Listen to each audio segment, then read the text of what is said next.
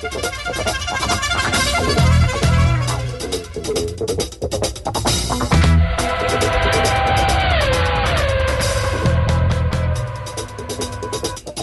is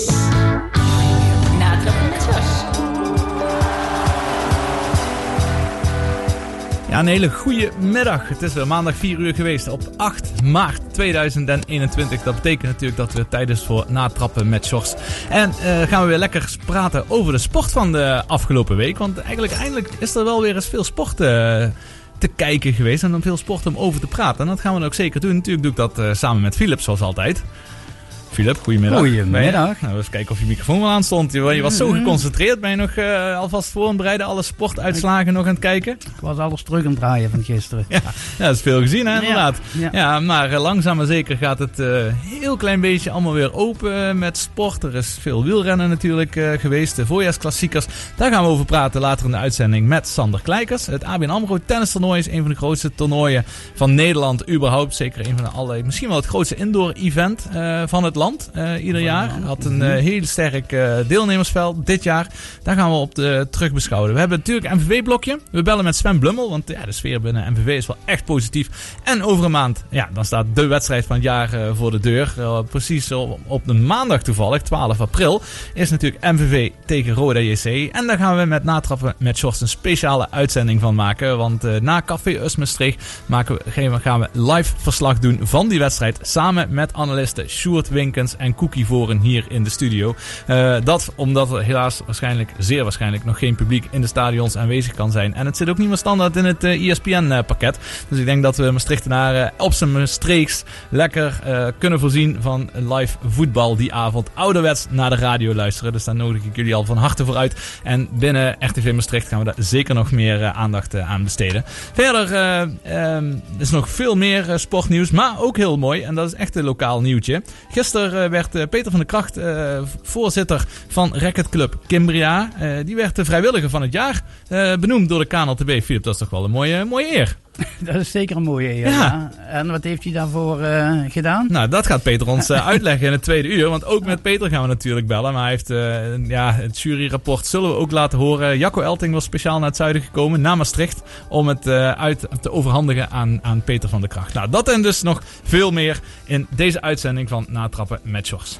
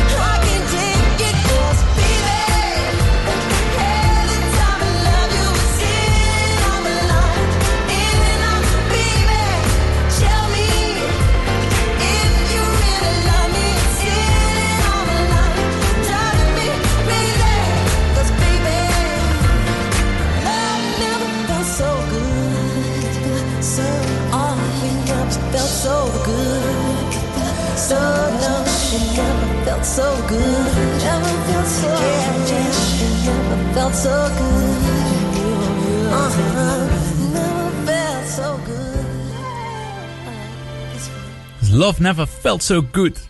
Van eh, Michael Jackson, featuring eh, Justin Timberlake. Eh, na de dood van Michael Jackson is dat nummer nog uitgebracht. Altijd een prima nummer om, om mee te starten. Lekker vrolijk, zomers, enthousiast.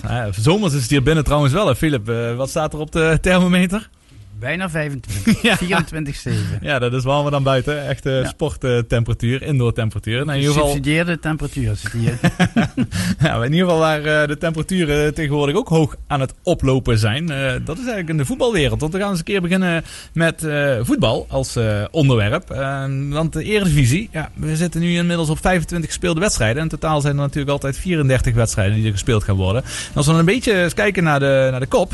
Ja, Ajax staat op met eh, 60 punten bovenaan. Gevolgd op 6 punten van PSV. Maar PSV heeft een wedstrijd meer gespeeld. Vanuitgaande, want Ajax speelt die wedstrijd nog tegen VVV. Wat ze moeten inhalen. Ehm, zou het verschil eh, natuurlijk al eens 9 punten kunnen zijn. Met nog een 10, eh na, wat zei ik, nog een 9 wedstrijden te spelen. Nou, wat denk je, Filip? Eh, is dan een Eredivisie al enigszins beslist voor dit jaar? Mm, Ik denk het wel, ja. Begin, begin van het seizoen dacht ik stiekem dat PSV nog wel eh, boven zou blijven Ja. drijven. Maar dat is nu voorbij. Ja, echt precies Is, hetzelfde. Ajax is gewoon soeverein. Ja.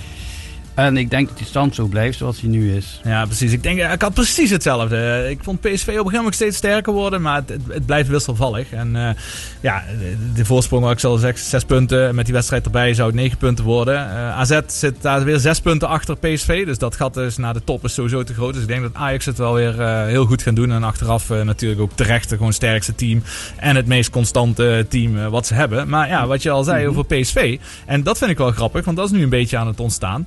Er zijn echt veel eh, relletjes bij eh, diverse clubs eh, op dit moment. Laten we PSV als voorbeeld nemen. Iataren, dat begint toch ook wel een redelijke soap te worden. De meest talentvolle voetballer die ze ongeveer hebben. Ja, dat klopt wel. is de meest talentvolle voetballer. Maar als je alleen al ziet zijn onafgetrainde lichaam. Dat geeft ook wel te denken aan, aan de, de houding van die man, denk ik. Maar heb er geen inside eh, information over hoe dat precies allemaal, allemaal zit. daar. Maar kan me iets voorstellen dat het iets mankeert aan zijn instelling. Mhm, het zou zomaar kunnen. Eh, Mhm. bij Vitesse, een, een ploeg wat het eigenlijk ook wel eh, ieder jaar toch wel weer goed doet. En nu je vierde staat, er één punt Mhm. achter AZ. Eh, die doen het hartstikke goed. Ja, die zijn misschien nog wel in de race ook voor een voorronde Champions League. Ligt natuurlijk alles aan wat PSV gaat doen in de komende periode. Maar ja, ook daar was weer iets aan de hand met een uh, Bazoer die, die niet opgesteld was. En ze wilden dan niet naar buiten brengen wat er aan de hand was, waarom die buiten de selectie gehouden was, et cetera. Het is toch wel een beetje de week van de relletjes. En ook Limburg is daar zeker niet aan ontkomen. Want de ploeg die wat mij betreft, boven verwachting heel goed doet, is, uh, onze, zijn onze buren van Sittard.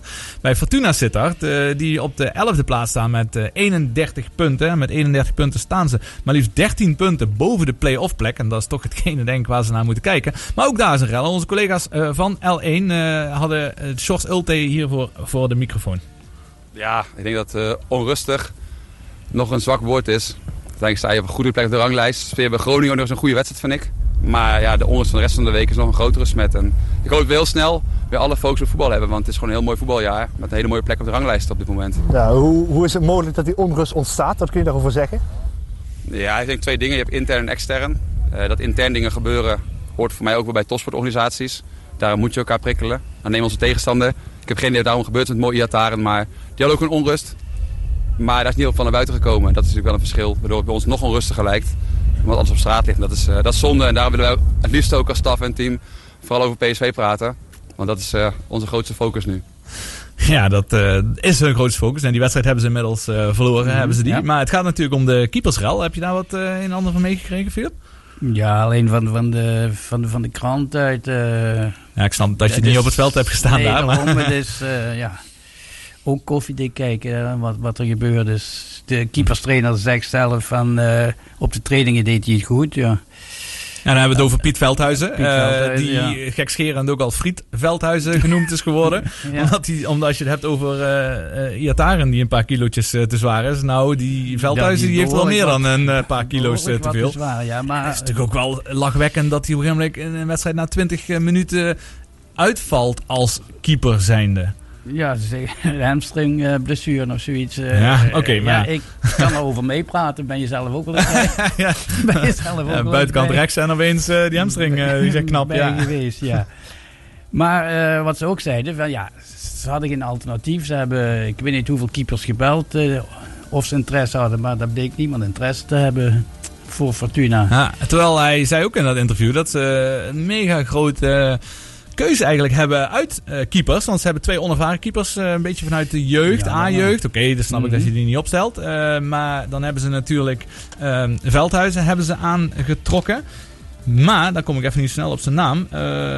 Kozelev, inderdaad, die gaat weg. Die heeft net een, eh, om, eh, met de komst van Ja, ja. Veldhuizen. En omdat Van Os de eerste keeper was, is eh Kozelev, die, Kozelev die is weggegaan. Is dat- die al weg? ja, die gaat weg. In Die ieder geval over weg, twee en weken. daarom Maar daarom wilden ze hem niet, ja, precies, daarom wilden ze hem niet opstellen. Mhm. En dus hebben ze wel het geluk dat eh, eh, Van Os, Jannik van Os, die wat langdurig geblesseerd leek te zijn, en dan toch wel weer fit is. En toch de wedstrijd tegen PSV heeft wel kunnen keepen. Dus wel, was, ik verwacht op zich wel dat dit redelijk met een sisser gaat aflopen. Ik bedoel, keeperstrainer, ja, die gaat dus vertrekken. Of die is al vertrokken daar. Eh, misschien dat Die nog is een... toch eh, naar de jeugd getransfereerd? Ja, daar is nog iets aan de hand met rechtszaken en dergelijke. Oh. Want hij heeft hij ook een advocaat in de arm genomen. Hmm. Maar ik denk dat als ze dit een beetje gewoon de vuile was binnen kunnen houden, wat in het begin niet is gebeurd, dan zal het wel overwaaien. En hoop ik voor in ieder geval voor de buren van Fortuna dat ze wel eh, weer die focus krijgen op de competitie. Maar met name op die mooie, mooie plek op de ranglijst. Want ja, laten we eerlijk zijn, dat is gewoon een hele Ja. knappe positie. Zeker als je ziet waar ze vandaan komen na, na de winterstop. Nou, dan een laatste stukje. Ehm, daar waar het ook onrustig is, ook in Limburg. VVV. Ja, het voelt voor mij altijd ook ver weg nog. Hè. Het is niet echt heel, het is natuurlijk geen Zuid-Limburg. Maar VVV die begon dit jaar wel heel erg goed. Eigenlijk, hè. leken heel lang eh, zeker. Maar op dit moment, als je kijkt waar ze nu staan, dan staan ze dus op de 15e plek. En staan ze nog maar drie puntjes van de play-off positie af. En nog erger, zij zijn de enige ploeg die vijf wedstrijden achter elkaar verloren hebben. Maar ik, ik heb dit eh, bij mijn eerdere aantekeningen ook al eens opgeschreven hier. VVV is behalve een eh, topscorer en de keeper de slecht spelende ploeg van de hele. Eredivisie. Ja, ik heb de hele Het is gewoon eh triest om, om te kijken hoeveel fouten daar eh, gemaakt worden in een wedstrijd. Nou, ik heb de hele wedstrijd, de bekerwedstrijd gezien eh, tegen Mhm. Vitesse afgelopen week, halve finale. Ja, die eerste helft hebben ze eh, pff, nauwelijks de bal gehad. Mhm. Echt. En in de tweede helft, ja, dan zijn ze iets balvaster. En dan creëren ze toch een paar kansen met uh, eh, aan het roer. Maar ja, die wist hem dan niet te maken. Oké, moet ik zeggen dat eh, Vitesse wel echt een wereldgoal eh, scoort. Die 2-0 is echt een wereldgoal. En ze speelden ook wel echt goed. Het is gewoon een goede ploeg. Staan niet van niks vierde natuurlijk op de ranglijst. Maar ja, dat was wel een kans. Maar als je ze dan afgelopen week, eh, of afgelopen weekend, wat was het? 5-0? 6-0? 5-0 tegen Feyenoord eraf ziet gaat. Ja. Troosteloos. Ja, ja. Nul inzet, Mhm. nul... Alsof ze allemaal kleurenblind zijn. Ze spelen de ballen continu naar een eh, verkeerde kleur. Dat maar Continu. de inzet met. Dus ja, en dan met een trainer die ook nog eens eh, gaat vertrekken aan het Mhm. einde van het seizoen, de koning. Eh, ik zal heel eerlijk zeggen, ik zie het nog heel, heel eh, somber Ja, ja, in voor klopt. VVV in deze laatste eh, tien wedstrijden hebben zij nog, want ze moet nog tegen Ajax, zoals gezegd. Daar hebben ze ook geen goede herinnering aan met die vorige 13-0 natuurlijk. Maar goed, dat is, eh, dat is inmiddels, eh, inmiddels geweest. Dus eh, ja, dat even de stand van zaken, ook betreffende de Limburgse clubs. Genoeg te doen. Ik denk dat Fortuna er uiteindelijk wel goed uit gaat komen. Alleen ja, de spannende situatie is in Venlo bij VVV. Nou, dat zullen we zien hoe dat gaat aflopen. We gaan wat muziek luisteren. Daarna even een terugblik op het ABN AMRO World Tennis Tournament.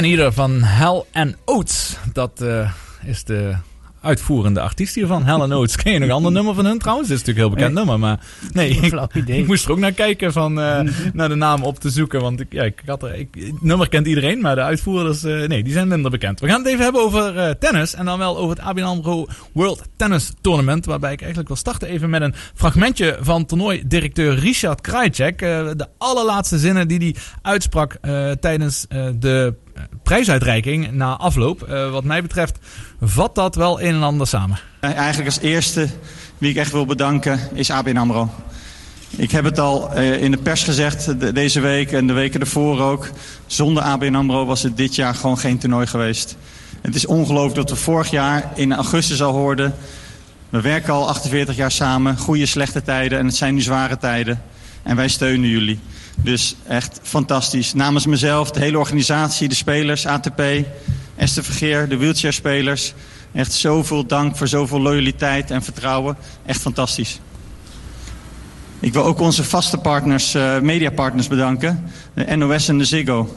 Juist dit jaar, wanneer we dus geen publiek hebben... was het zo belangrijk om iedere wedstrijd live te laten zien. En dat hebben jullie gedaan. Dus heel erg bedankt daarvoor. Ehm, mijn collega's in Ahoy. Het zwaarste jaar van ons bestaan. En jullie hebben gewoon laten zien waartoe we in staat zijn. Het is echt een voorrecht om met jullie te mogen werken. Echt fantastisch wat we hier hebben gepresteerd. Ja, je hoort gewoon de emotie in zijn stem. Mhm. hè? Richard Krajcek is toch echt een eh, coole kikker. eh, in alles wat hij doet. Ook als eh, tennisser zijnde. En hier tijdens het einde van een ja, toch heel bewogen tennistoernooi. Ja, breekt hij gewoon bijna tijdens de afsluitende ceremonie. Dat vond ik toch wel echt heel mooi om dat te zien. En ja, heel eerlijk.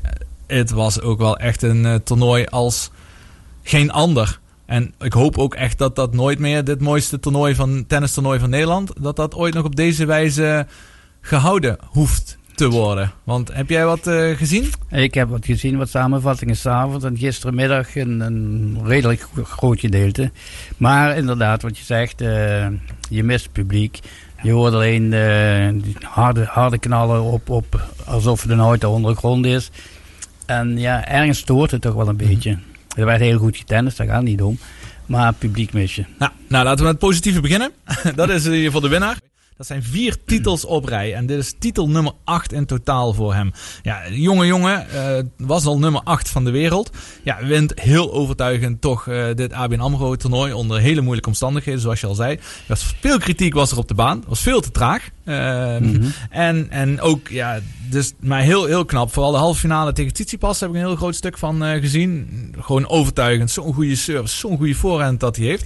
Volgens mij sloeg hij iets van 27 voorhand winnaars en maar drie backhand winnaars in de wedstrijd. Nou, dat zegt wel eh, genoeg over iemand zijn eh, kwaliteit. Hè. Maar het andere, eh, de afmeldingen, die ieder jaar normaal enorm veel zijn, die vielen wel mee dit jaar. Kijk, Nadal is natuurlijk een grote aderlating. Dat is duidelijk, hè? nummer drie van de wereld inmiddels. Want eh Medvedev is deze week nummer twee eh, geworden.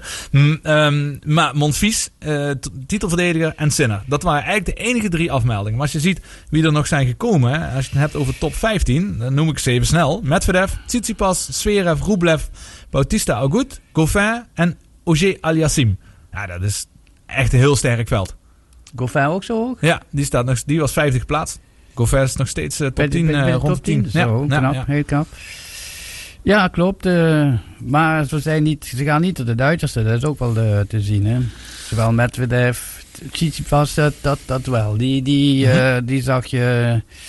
Hij wilde dan. Maar, de, maar de rest was niet zo, zo overtuigend als normaal. Nou, je Ja, krijgt net wat je zegt, die, die Rublev, enorm sterke wedstrijden gespeeld. Ja. Ja, zeker. Hij wilde ook echt graag. Super blij dat hij heeft gewonnen. Ik ben ook Mhm. helemaal met je eens dat het gebrek aan publiek wel heel veel pijn heeft gedaan bij wedstrijden van Medvedev, van Zverev. Mhm. Eh, ja, die jongens, ja, ze verliezen en dan maakt het hun toch wat minder uit, lijkt het. Als dat toch een vol Ahoy is, en zeker met zo'n deelnemersveld was het echt uitverkocht geweest. Tuurlijk. Dan eh, zetten ze toch dat stapje extra ja, om ja, voor dat publiek. Ik bedoel, dat is menselijk. Mhm. Eh, topsporters zijn wat dat betreft ook mensen. Even als, ja, als laatste, eh, toch even de rol van de Nederlanders hierin. Er waren twee Nederlanders die mochten meespelen. Robin Hazen, die speelde tegen Andy Murray. Staat derde set, staat hij 3-0 voor. Ja, dan denk ik, oh, als je overal in de pers inderdaad zegt dat je terug wilt komen naar de absolute top, weer richting die top 50 wilt, terwijl je 180ste op de wereldranglijst staat. Ja, dan zijn dit die wedstrijden die je gewoon moet winnen. Tegen een niet fitte Murray. Uh, met alle respect, ik bedoel, Murray is Mhm, natuurlijk nee, wereldtopper geweest. Maar door twee heup, heupoperaties is hij gewoon minder fit en minder snel. En, dan laat hij, en hij speelt echt een goede wedstrijd. Echt. eh, niks op aan te merken. Maar dan laat hij zo'n grote kans liggen om... Als je hier twee rondes wint, dan stijg je van die 180ste plek meteen weer terug naar eh, potentiële eh, directe toelating tot de Grand Slam toernooien. En ja, dan verandert de wereld gewoon voor hem. Dat is echt doodzonde dat hij weer zo'n kans laat liggen. En ik denk ook wel, hij werd zelf een beetje boos toen hem gevraagd werd of het zijn laatste ABN AMRO was. Want er wordt hem al zes jaar gevraagd. Daar werd hij echt heel boos over. Maar ja, ik denk dan wel, dat zijn een van die laatste kansen die je krijgt. En dan moet je eens een keer wel pakken, anders dan gaat het een keer de verkeerde kant op. En de tweede, die heeft wel nog wat meer tijd. De bootjes van de Zandschulp. Die speelde tegen Zoric. En Zoric die speelde halve finale. Een hele goede speler. Ook voormalig top 10 speler. Die zal nu nog zeker in de top 20, eh na top 25 denk ik, eh, staan. Speelde ook een hele goede wedstrijd. Maar ja, hetzelfde verhaal. Kom, haalt de tiebreak. En je ziet gewoon in die tiebreak dat, dat het, het klassenverschil. Dat als het ertoe absoluut. doet, Ja. dan, dan halen ze het niet. En dat is zo jammer, want ja, Nederlands, eh, Nederlanders en tennis op dit moment, eh, ook hier in het zuiden, in Maastricht, maar in Limburg en ook nationaal. Ja, het is jammer dat we gewoon net wat achterlopen bij de absolute wereldtop. En ik denk toch niet dat het ligt aan de kwaliteiten van spelen, maar het ligt toch net aan die, die laatste stap die je nodig hebt op eh, topniveau. En dat is het mentale gedeelte om, om die wedstrijden naar je toe te trekken waar je de kans hebt. Maar ik wil even zeggen, het was ook een verademing voor mij om te kijken naar Hazen zonder publiek. Want nu hoeft hij niet die oerkreten te maken die hij na een gewonnen punt meestal maakt. Dat heeft hij dus niet gedaan en daarom ben ik ook veel langer blijven kijken. Maar ja, in de derde set maak ik twee foutjes en het was over. Ja, dat ging heel snel. Hè? Van Mhm. 3-0 voor 6-3 eh, verliezen Ja. in die derde set. Dat is jammer. Mhm. Overigens hebben we volgende week in ieder geval de coach van Robin Hazen, Raymond Knaap. Die is nu deze week officieel niet meer coach van Robin Hazen. Maar die is nu voor de KNLTB gaan werken, voor het Nationaal Tenniscentrum. Die hebben we volgende week eh, als gast aan de telefoon. Dus ik ben benieuwd hoe hij eh, als soort van nieuwe bondscoach kijkt naar het tennis in Nederland. En vooral eigenlijk de stap die Limburgse talenten, of misschien zelfs Maastrichtse talenten, kunnen maken om naar het Nationaal Tenniscentrum te gaan. Want ja, dat ligt in Amstelveen. En dan hebben we toch wel weer een, eh, een behoorlijke afstand. En ben ik benieuwd hoe ze dat op regionaal niveau eh, zien. Maar in ieder geval, dat is eh, iets voor volgende week. We gaan even naar wat muziek luisteren. En daarna dan gaan we bellen met Sven Blummel. En Sven Blummel, nou, die heeft inmiddels al naam gemaakt binnen MVV Maastricht. Met nummer 11 speelt hij in de basis.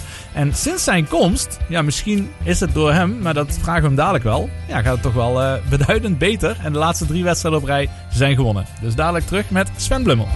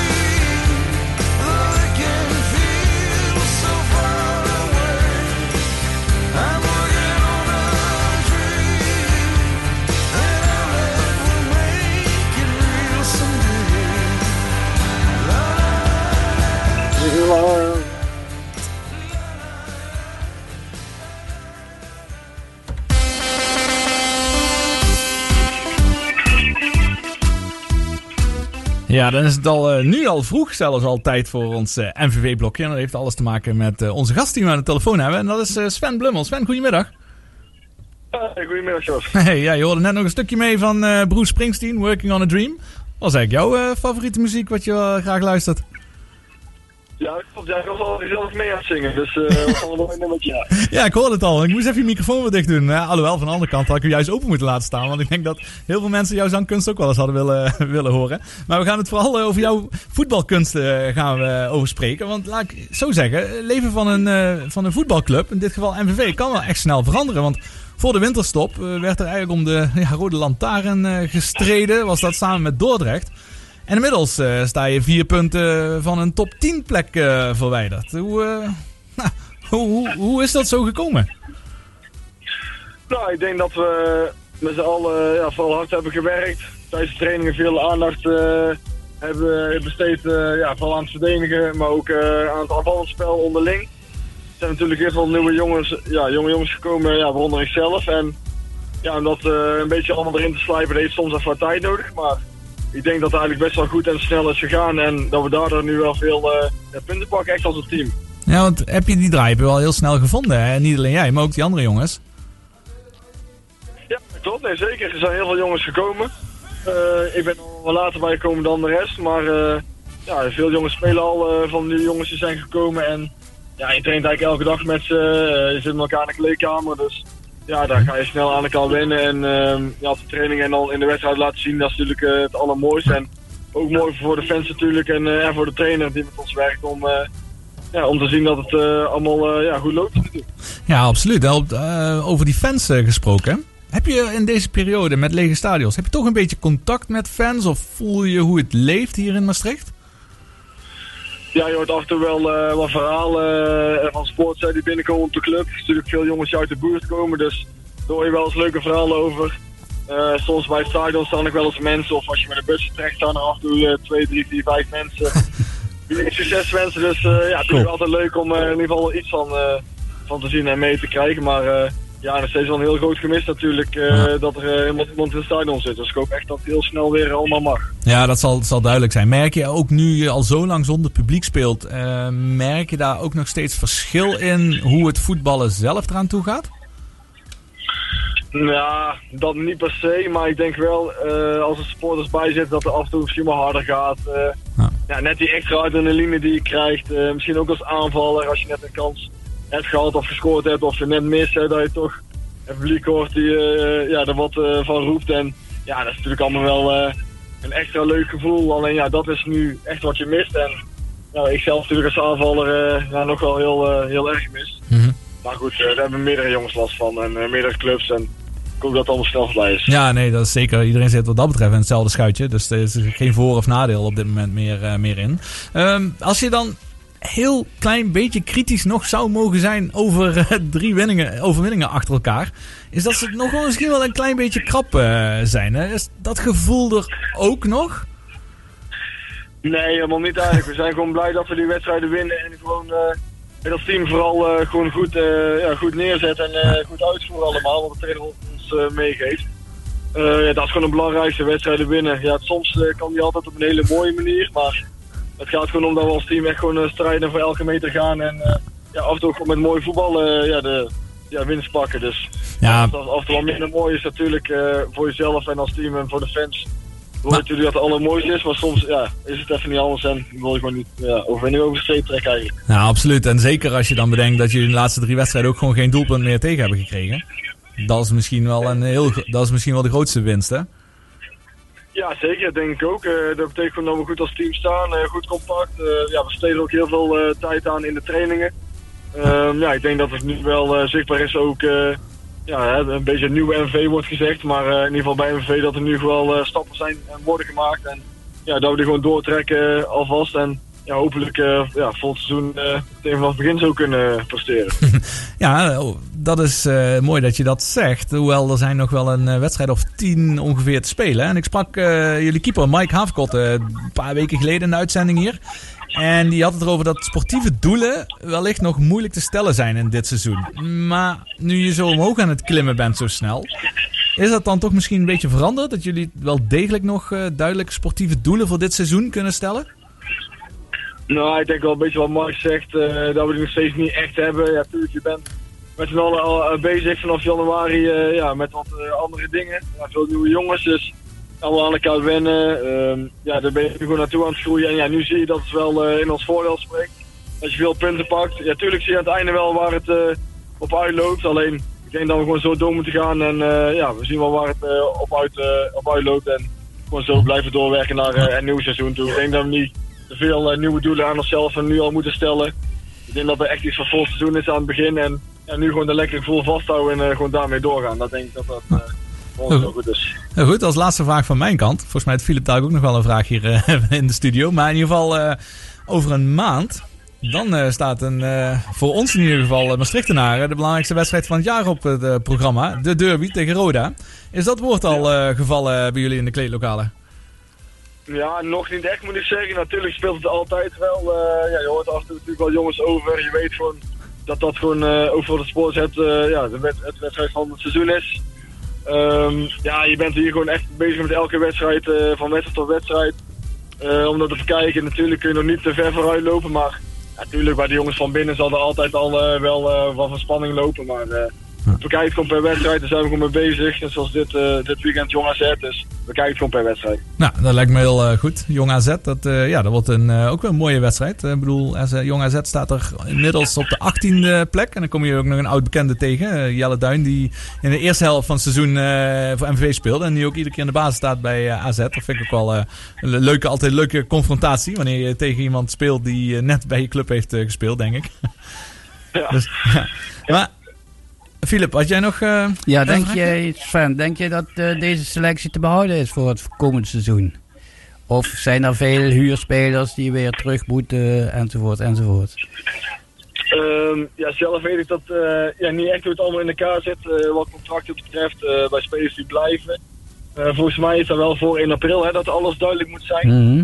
Dus ik denk eh, ja, dat we daar binnen een paar weken of ja, binnen een maand echt wel meer over weten. En eh, ja, hoe het er nu nog uitziet, natuurlijk hopen dat gewoon eh, zoveel mogelijk jongens blijven. Wat we nu ook gewoon met een goede reeks bezig zijn, echt met elkaar aan het werk zijn. Ja, de connectie met de staf is goed, dus ja, je hoopt natuurlijk dat je zoveel mogelijk bij elkaar blijft. Maar goed, je weet nooit hoe het allemaal loopt in het voetbal. eh kan de ene andere dag veranderen en ja, het is gewoon even afwachten.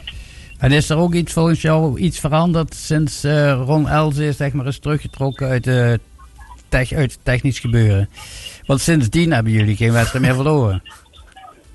Oh, oh zo ook helemaal niet bekeken, maar eh, nee, ik heb onszelf goed altijd eh als technisch directeur. Ik wist in ieder geval wel dat hij eh, terug zou treden, maar ja, ik weet niet hoe het daar verder allemaal aan toe gaat binnen, binnen kamers. Maar we zijn gewoon goed bezig. Mhm.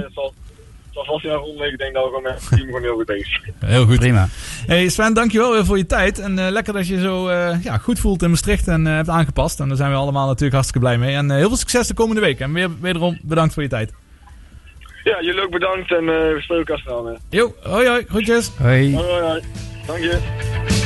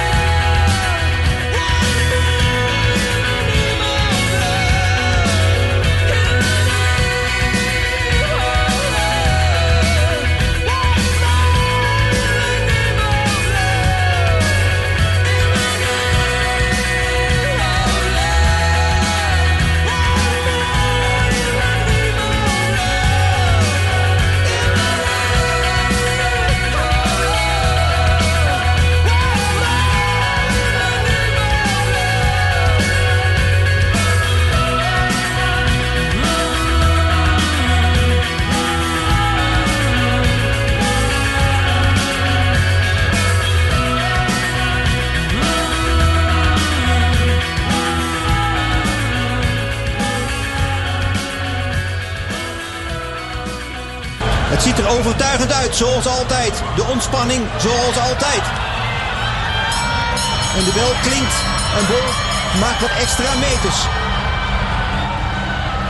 Heeft ze nog die kracht in de benen? De individueel kampioenen, daar gaat ze. En als Bol gaat, dan is ze niet te achterhalen. Femke Bol maakt het af voor Nederland. En hier komt dan de vierde gouden medaille bij de Europese Indoor-kampioenschappen. Voor Nederland, het beste land bij dit toernooi. Goud voor Nederland, 3.27.16. Ongelooflijk. Hoe knap dat Nederland en Limburg ook op dit moment in de atletiek aan het presteren is. Uh, Een Europees kampioenschap indoor afgelopen weekend. En Nederland haalt gewoon de meeste medailles. Vier gouden medailles, één keer zilver en twee keer brons eh, hebben ze gehaald. Zoals je zei, ongelooflijk. Ja. Ja. En we hadden Maar heel mooi. Ja, heel erg knap. Mhm. Heel mooi ook. We hadden heel graag inderdaad wat eh, mensen hierover gesproken. Maar het is toch moeilijk om eh, deze mensen in de studio te krijgen. Want laten we beginnen. Ik had eerst eh, contact opgezocht met Britt Ummels. Ja, die zal niet heel erg tevreden terugkijken op het... op het EK in, eh, in Polen was het. Eh, want die viel in haar eh, eerste serie op de 800 meter in derde positie. En daarmee zou ze doorgaan natuurlijk naar de volgende ronde, naar de halve finale. Nou, dat ging helaas niet door. Maarten Plaum heb ik ook geprobeerd om in de uitzending te kunnen bellen. Hij zal ook niet zo blij geweest zijn met het EK, want hij had wel voldaan aan de Europese limiet. Maar er waren vijf eh, lopers die zich daarvoor gekwalificeerd hadden. Omdat hij tijdens, tijdens het NK Indoor moest, eh, uit, is, is uitgevallen eigenlijk met duizeligheidsproblemen. Ja. Ja, het leek een beetje alsof hij eh, last had van zijn evenwichtsorgaan. Tenminste, die klachten kwamen wat overeen met, met die symptomen. Maar goed, dat weten we natuurlijk niet. Want we hebben niet zelf daarover gesproken. Maar ja, hij is dus gepasseerd, dus hij was ook niet daar. Ja, en dan probeerde ik eigenlijk nog iemand van... Unitas aan de telefoon te krijgen. Want dat is toch wel een heel succesvolle atletiekvereniging uit eh Sittard. Eh, want zij hadden maar liefst drie mensen van hun vereniging actief bij het EK Indoor. Ehm, maar goed, ook zij gaven niet thuis. Nu kan ik wel een hele lijst gaan eh, noemen met allemaal mensen die ik probeerde te bereiken. Want ik zou echt heel graag eens een paar hoofdrolspelers... of in ieder geval mensen die in deze sport zitten willen spreken... waar het succes vandaan komt. Heb jij enig idee, Philip? Want dit zijn toch wel redelijk unieke prestaties voor een land als Nederland in atletiek. Nee, geen, totaal geen idee. Vroeger waren we echt een dwergje wat betreft Ja. atletiek. Een paar uitzonderingen na. Maar eh, we staan nu met kop en schouder eh, inderdaad bovenop. Nou, in ieder geval op Europees ziet- niveau. Op het Europees niveau, als je ziet hoe, bijvoorbeeld ook hoe gemakkelijk Nadine Visser die 60 meter hoorde wint. eh, Prachtig, dus, eh, ja. Ja, en, en dan die Femke Bol. eh, dat is wel een beetje de koningin Mhm. van het EK geworden. Met de 400 meter individueel. En ze won goud op eh, 4x400 eh, de estafette. Daar hoor je net het fragment van. Maar nu las ik dat zij voor Tokio dit jaar... gaat ze zich volledig toespitsen op de 400 meter horde. Want daar schijnt ze dus nog enorme stappen beter. in gemaakt eh, te hebben. En ongetwijfeld heeft ze daar dus nog meer kans om een gouden medaille te halen... dan op de 400 meter eh, sprint. En dat, was geen onderdeel van, de, van het EK. Nou, waarschijnlijk niet. eh, Denk ik. Eh, sowieso zijn daar de onderdelen wat beperkt. En volgens mij kan het niet eens, want een- het is maar 200 Ja, meter baan. Ja, nee, maar het is maar 200 meter baan. En dan kom je volgens mij een beetje in de knoop met de afstanden tussen de diverse horden. Want normaal op 400 meter horden, ja, dan heb je iedere horde neem je maar één keer. Maar als, je, Normaal ja. maar als je twee rondjes moet lopen voor 400 meter, dan zou het zomaar eens kunnen dat daar de afstanden niet meer onderling op eh, Olympische afstanden Ja. of op eh, officiële atletiek unie afstanden staan. Hadden we kunnen vragen aan, aan iemand van... eh, Ja, precies. Het is, het is lekker speculeren dit inderdaad, zo aan het einde van het van eerste uur. Ja, maar die vragen gaan we zeker nog, nog, nog stellen. Ik vond trouwens die twee keer de estafette, dat blijft toch wel een mooi en spectaculair onderdeel. Zeker als Nederland het goed doet natuurlijk. Heb je daar iets van Nee, gezien? Geen beelden nee, van gezien? nee, nou, in ieder geval laat ik zo zeggen, met de dames was het zo dat...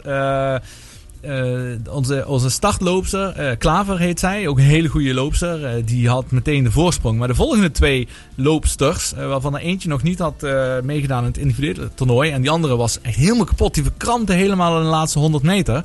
Ja, die, die zakte echt terug. En toen moest eh, dus die Femke Bol eh, vanuit tweede positie, terwijl de derde loopster nog goed terugkwam, maar vanuit tweede positie moest Femke Bol moest toen eventjes werkelijk waar alle zeilen bij zetten. Ja, en hoe zij iedereen eruit liep, eh, dat was heel erg indrukwekkend. En hetzelfde gold een klein beetje voor de mannen.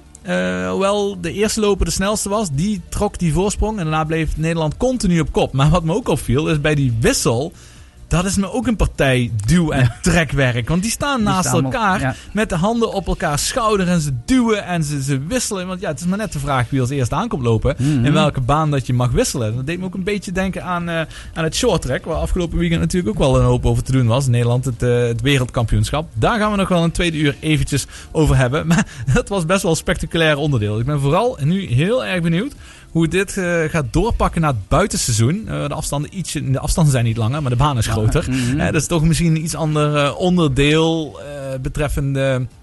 Ja, betreffende die afstanden en, en die tak van sport. Maar in ieder geval zeker iets om de komende weken in de gaten te houden. Nou, we zijn inmiddels toegekomen aan het laatste nummer van het eerste uur. Dus dadelijk verder met het tweede uur. Maar eerst Ugly Kid Joe met Cats in the Cradle.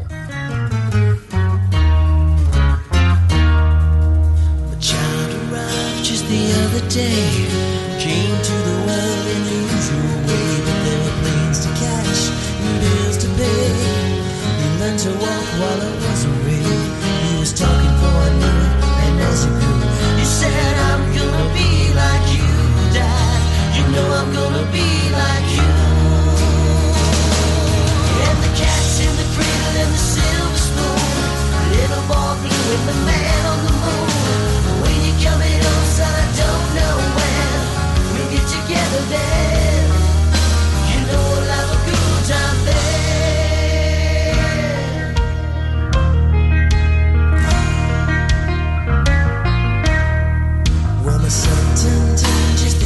said thanks for the ball. That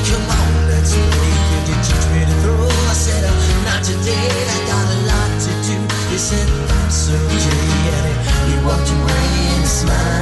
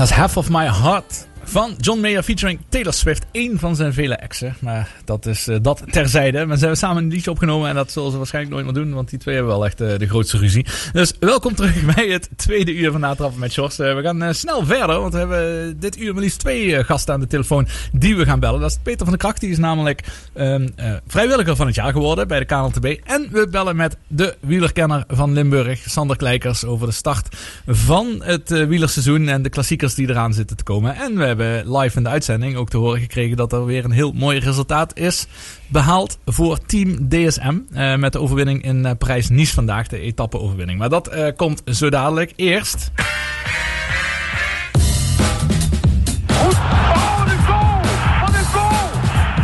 Timmertje, Timmertje, wat ga je doen? En hij staat! Ik staat! Het is ongekend! Daar gaat hij Ippon en neemt hem over. Goud is er voor Mark Huizinga. Het sportmoment van de week. Het sportmoment van de week is dat. eh, en ja, eigenlijk moet ik eerlijk zeggen dat de hele grote sportmomenten, die, eh, want die waren er behoorlijk afgelopen week. Die hebben we natuurlijk eh, een beetje gebundeld in aparte blokjes. Zoals een ABN AMRO World Tennis Tournament, EK Indoor in Polen. En ja, voetbal was misschien niet het sportmoment van de week. Dus we hebben weer wat mooie momenten uitgezocht. Maar Philip die heeft er zeker eentje uitgezocht die wat mij betreft wel hoort bij een van de absolute sportmomenten van afgelopen week. En zoals altijd dan maak ik altijd een beetje gras voor je voeten weg, hè Philip? Dus Mhm, eerst een ja. kort, eh, kort interviewtje. Ja, eh, bizar goed toernooi gereden. Ik denk, ik had het echt letterlijk niet beter kunnen doen dan dat ik nu heb gedaan. Ik heb met de relay erbij en de superfinale echt alles. Ik ben als, alles als eerste over de streep gekomen. En Nou, Philip, vertel het maar. Dat is Ja. wel inderdaad een hele uitzonderlijke eh, prestatie. Ik heb inderdaad gewikt en gewogen van het weekend, want er was veel te doen. Maar eh, dit, als je dus de 500, 1000, 1500 en 3000 meter wint. En daarna ook nog eens een eh, aflossing op short track niveau dan. Dan heb je wel echt iets in je mars. Het zal niet leuk zijn voor de tegenstanders als je, als je alles wint. Maar het is eh ja, buitenaard eigenlijk. Daarom, je hebt iets in je mars. Ja. Bij de ja. Ja, dan heb je de naam eigenlijk nog niet eens genoemd en ik ook niet. En dat is Eh, wel Suzanne, Suzanne Schulting. Ja, precies. Het wereldkampioen Ja, short track wat eh, afgelopen weekend Ja. eh, was. Waar zij dus werkelijk alle individuele afstanden wint.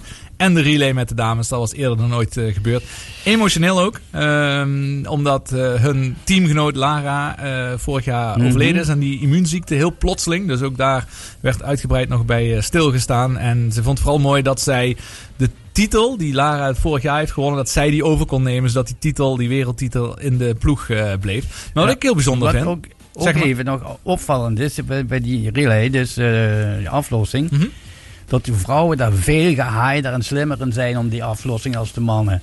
Die vrouwen hebben, komen beter, beter eh, voor hun voorgangster, worden beter afgezet. En die mannen die moeten allemaal een beetje inhouden. En, en het is niet optimaal. Die vrouwen deden dat gewoon optimaal. Ik denk ook Veel. dat de vrouwen ook veruit de beste op het moment zijn van de wereld. En de mannen hebben meer, niet meer concurrentie, dat bedoel ik niet. Eh, Maar ik bedoel, eh, hun klasse is, zij zijn ook wereldkampioen geworden in de relay. Maar zij steken er niet zo ver bovenuit dan de Nederlandse dames eh, in de short track doen. Wat wel grappig is, want Suzanne Schulting, hoe werd zij bekend? Doordat zij Olympisch goud won uit het niets. En dat kan gebeuren. maar het allerknapste vind ik dat van daaruit is zij absoluut het wereldtop gebleven. En Mhm. ongenaakbaar vergeleken met ja, wie dan ook. Klopt. Ja. Jij bent vroeger wel eens eh, vrij kritisch geweest over deze sport eh ja, short hè? nog een beetje. Ik vond vroeger altijd als je de, de beste start had, dan, eh, dan won je wel meestal. Maar eh, blijf ik nog eigenlijk bij. Ah, ja, ligt er welke afstand? Want op de het ligt 1500 aan- meter dan doen ze eerst eh, zes rondjes eh, in een soort surplus eh, schaatsen. Ja, oké. En, en daar gaan we geregeld onderuit. Dus eh op een gegeven moment was in één wedstrijdje gezien, er bleef er Ja. nog maar twee over van de Ja, zes. dat gebeurt wel eens. En de rest, ja.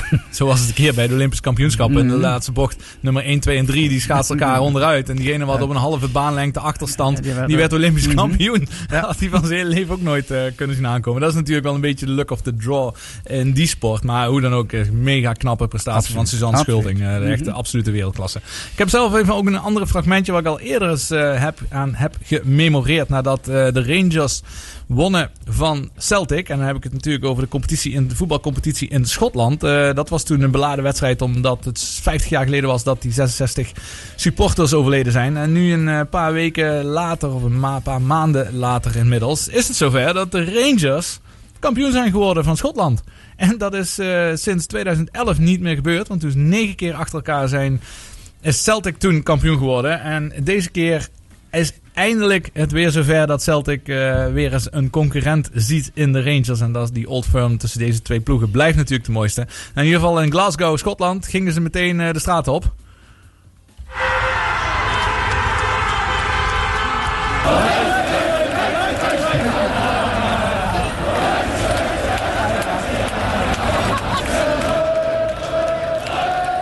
Ja, fantastisch. Maar het staat daar dus blauw van de mensen in dit geval. Omdat dat een clubkleur is voor Ibrox eh, Park. eh, stonden ze met z'n allen. En vandaag eh, zijn alle boetes eh, uitgeschreven. Want niemand hield zich daar aan de, aan de coronamaatregelen. En daar, eh, ja, daar hebben ze vandaag eh, de pijn van. Want er zijn heel veel boetes eh, achteraf eh, uitgedeeld.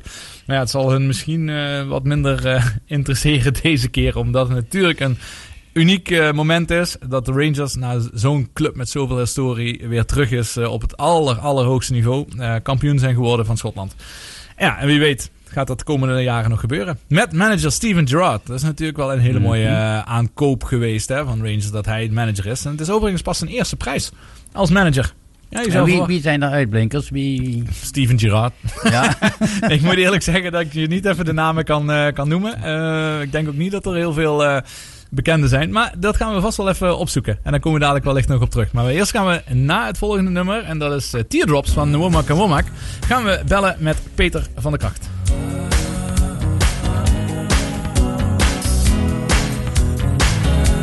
You agree with it? Whenever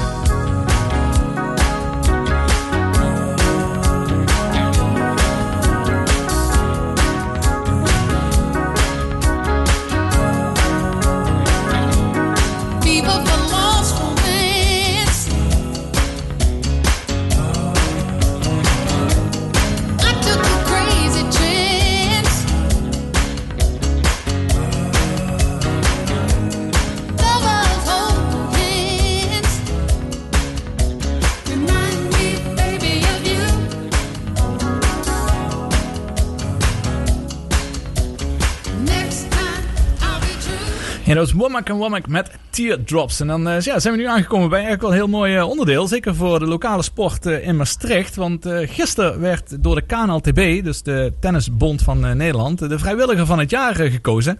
En die prijs eh, die viel zomaar in Maastricht. En daar heb ik even een klein fragmentje van hoe dat eh, in zijn werk ging. Nog jongens. Geweldig. Goedemorgen. ik weet niet of ik hier aan het goede adres ben. We zijn hier niet zonder reden, Peter. Hè? Ehm, ik moet niet zeggen dat ik dagelijks langs Maastricht kom. Dus eh, ja, ik kom hier natuurlijk met een reden. Het begint al een klein beetje eh, iets te dagen, of nog niet helemaal. Ja, ja, ja, ja. En eh, ik heb een, een heel mooi juryrapport heb ik hier. Peter van der Kracht, Kimbria Racket Club. De KNTB heeft besloten om Peter van der Kracht van het Kimbria Racket Club te Maastricht uit te roepen tot vrijwilliger van het jaar 2020. In de tien jaar heeft Peter samen met het bestuur een florerende en vitale tennisvereniging op de kaart gezet. Maar bovenal een voorzitter die tussen de leden staat en samen met de vereniging zorgt voor sfeer, gezelligheid en betrokkenheid. Mede door de inzet van Peter heeft Kimbria Racket Club afgelopen jaren meer dan 150 nieuwe leden mogen verwelkomen. Hierdoor zijn ze inmiddels al de tweede grootste club binnen Limburg. Ja, dat is eh, voor iedere tennisliefhebber een bekende stem. Dat is Jacco Elting, tegenwoordig directeur van de KNLTB. Of technisch directeur is misschien. Maar in ieder geval belangrijker is eh, Peter van der Kracht. Peter, goedemiddag. Goedemiddag. Ja, gefeliciteerd met eh, deze hele mooie titel. Ja, dank je. Ja, zoals even dit filmpje, eh, wat gisteren is opgenomen toen het is eh, uitgereikt. eh, het, op zijn Maastrichts gezegd, het leek erop alsof je een beetje verpopzakt was. Nou ja, dat is ook wel zo, denk ik. Als zij, ik, ik werd onder valse voorwendselen werd ik naar de club gehaald. Want er zou een opname komen van L1. En dat vond ik al heel interessant, zeg maar, om daar te mogen verschijnen. En toen bleek uiteindelijk dat Jacco Elding de hoek om kwam lopen met nog wat mensen van het bestuur en mijn vader erbij. En toen was ik inderdaad wel even onder de indruk van wat daar gebeurde. Dus ik heb dat rustig even tot me genomen.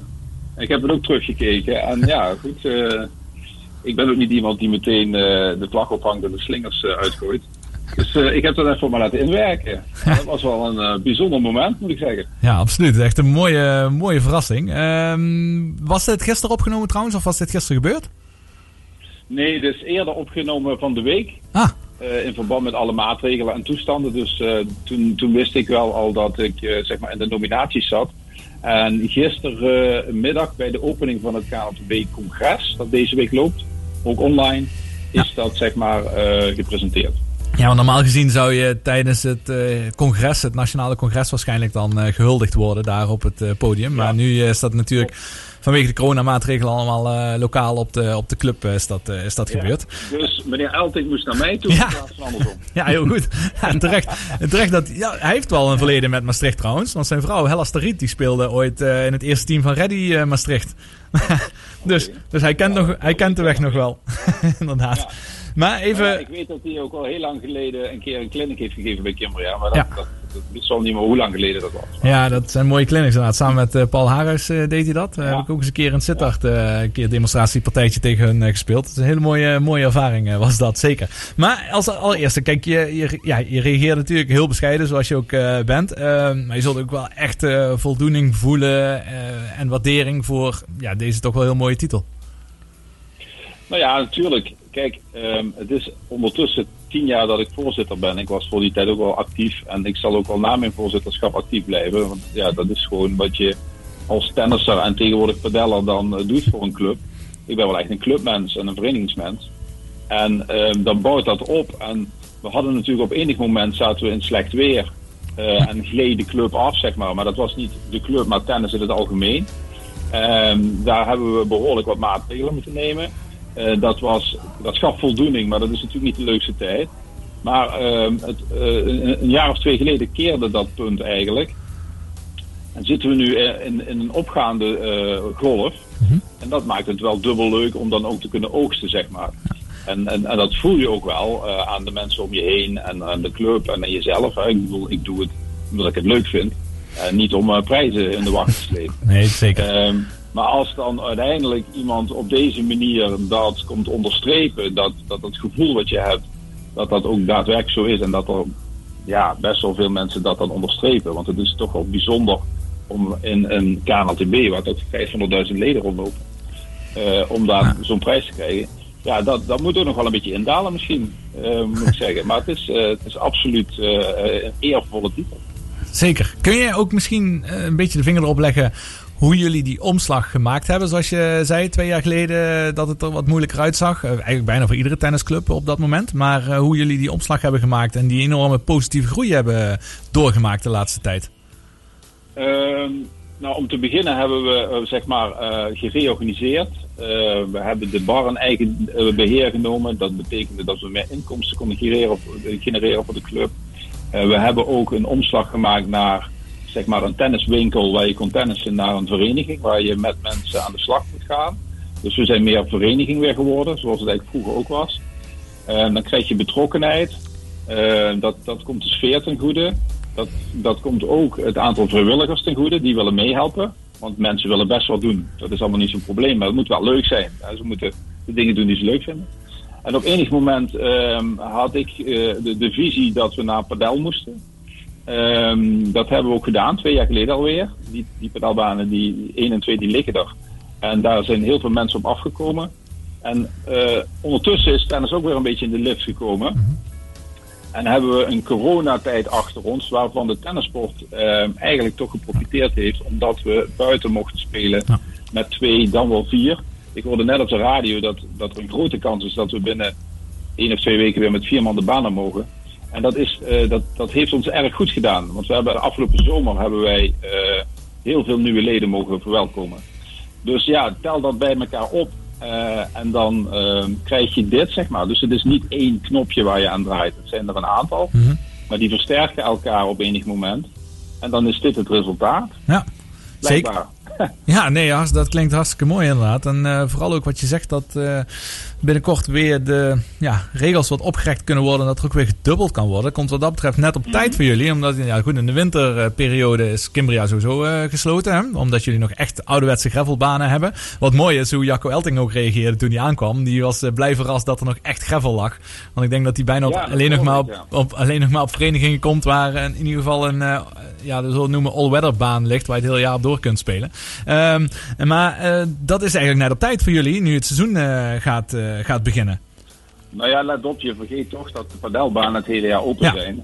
En dat die eigenlijk het hele, het hele winterseizoen ook vol zijn geweest. Ook met tennissers die zeg maar overwinteren op padel. Ehm, die zullen dan ook wel terug gaan voor een deel naar, naar tennis. Ja. Ehm, maar als je kijkt naar de bezetting van de padelbaan in de wintermaanden, dan, dan is die zeer goed te noemen. Ehm, dus we zijn toch wel het hele jaar open. Ah, ja. En ehm, wij gaan ook echt naar een winterseizoen waarbij we eventueel nog twee banen erbij leggen, naar vier banen.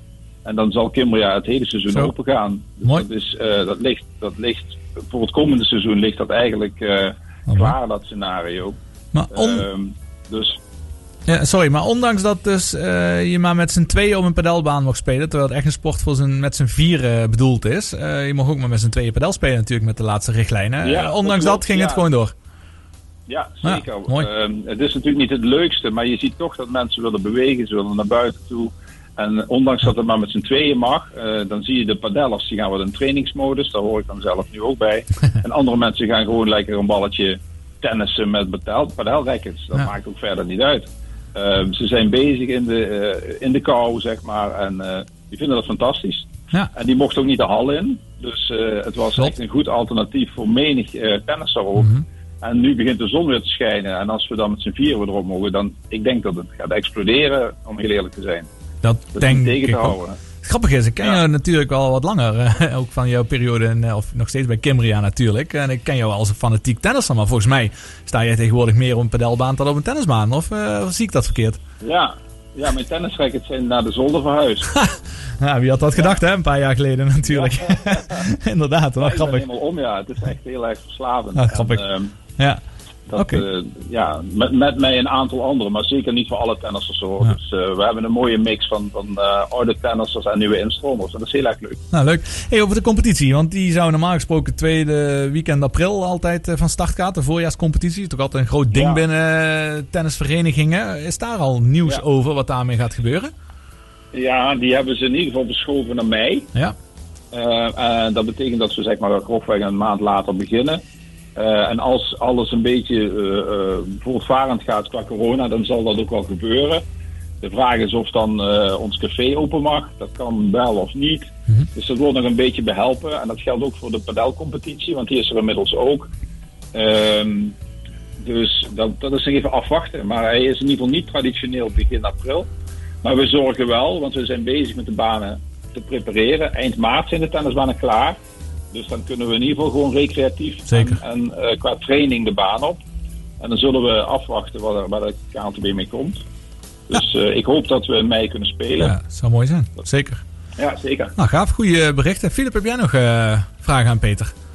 Nee, maar wie, wie stelt zo'n ehm, zo'n lijst samen waar, waar de... Genomineerden bedoel je? Genomineerden. Hoe komt dat? eh, in- informeren ze dat bij jullie vereniging of... eh, geen idee. Hoe, Nee, dat is, dat is een, eh, eh, eigenlijk een initiatief eh, van, van de club, zeg maar, van andere leden die mensen voordragen. Mhm. En ehm, ik ben dan toevallig voorzitter, maar er, waren ook, eh, er was ook een meneer die dan eh, heel veel op de baan deed zelf en, en wel ook een bestuurstaak had. Maar dat hoeft niet per se. En die worden dus aangedragen door anderen, omdat men vindt dat die op die lijst eh, thuis horen. En dan moet ik eerlijk bekennen dat ik niet precies weet hoe dat in niet-corona-seizoenen verlopen is. Of dat er gestemd moet worden of zo. Dat weet ik eigenlijk niet. Mhm. Maar nu is het in ieder geval zo dat er uiteindelijk een lijst van een man of 70 was, begreep ik. En dan Zo. blijven er dan weer drie van over. En, en eh, daarvan eh, worden dan filmpjes gemaakt. En daar ben ik dan uiteindelijk uitgerold. Dus in die zin is het eh, ook wel mooi dat de club zelf die nominatie eh, in gang gezet heeft. Dus ja, zo, zo werkt het dan bij een club die, die, die zo in elkaar steekt. Dus, Ja, mooi. en mooi. nogmaals, gefeliciteerd daarmee. Ja, zeker Peter. Dankjewel, dankjewel. Echt super gaaf. Heel gaaf voor Kimbria, sowieso ook. Ook voor, eh, ja, voor jou persoonlijk natuurlijk, maar ook voor het tennis eh, in eh, Maastricht en misschien nog wel verder. Ik hoop dat jullie ook, ja, ook dit mooie voorbeeld ook goed naar buiten brengen. Ehm, dat, dat is wel echt iets om trots op te zijn. Dus dankjewel dat je even mocht bellen. Geniet van, van deze prijs en vooral van het voorjaar dadelijk weer, wanneer de banen weer eind maart open gaan. Ja, dat is goed. En eh, die date eh, om een keer te bellen, die staat nog. hè. Daar hou ik je aan. Absoluut, absoluut. Als de temperatuur boven de 15 graden komt, eh, dan zijn we erbij. Oké, dat zal ik dan even erbij doen. is goed, Peter. Gaan we doen. Dankjewel. Hoi, hoi. Hey, goed, hoi, hoi. Hoi.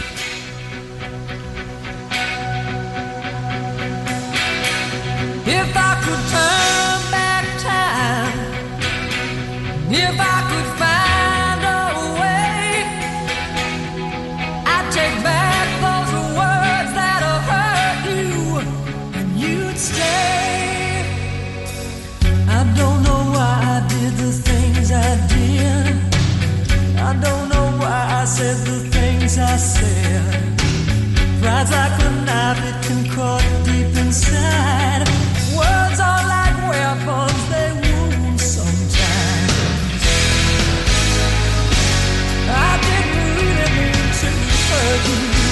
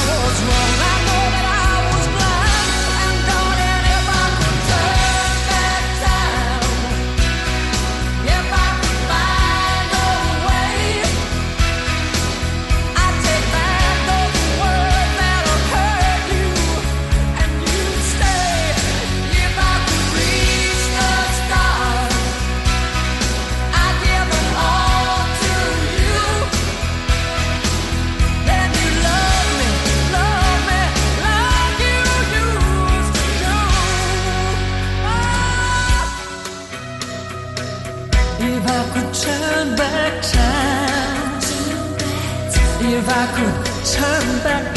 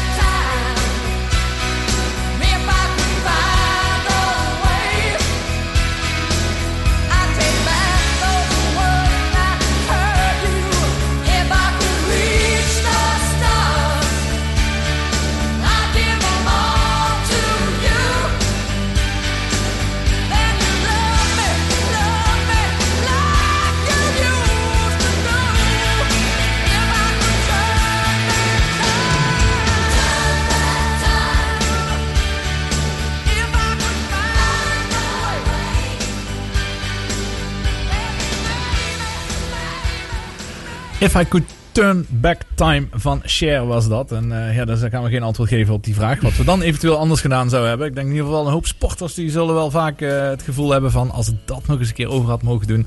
Ja, dat is eh, niets dan dat. Is ook menselijk. Ehm, er is echt zoals gezegd al veel sport geweest. En even een blokje dat we even een paar hoogtepunten pakken van de sport. Want Demi Schuurs, Nederlands tennister. En die woont ah, woonachtig in Maastricht. Komt uit Sittard, maar woont al jarenlang in Maastricht. Als ze is tenminste, want die is gewoon 45 weken per jaar eh, aan het reizen. Die heeft de eerste overwinning van het jaar te pakken in Dubai. In de damesdubbel is dat, want zij staat eh, ruim top 10 al jarenlang ehm, in de damesdubbel. Echt de wereldtopper is dat. Eh, die heeft de eerste overwinning van het jaar te pakken dus in Dubai. En dat is weer een goede start. Nog meer even twee dingetjes over de tenniswereld. Want ja, die is gewoon heel veel in nieuws geweest. Novak Djokovic.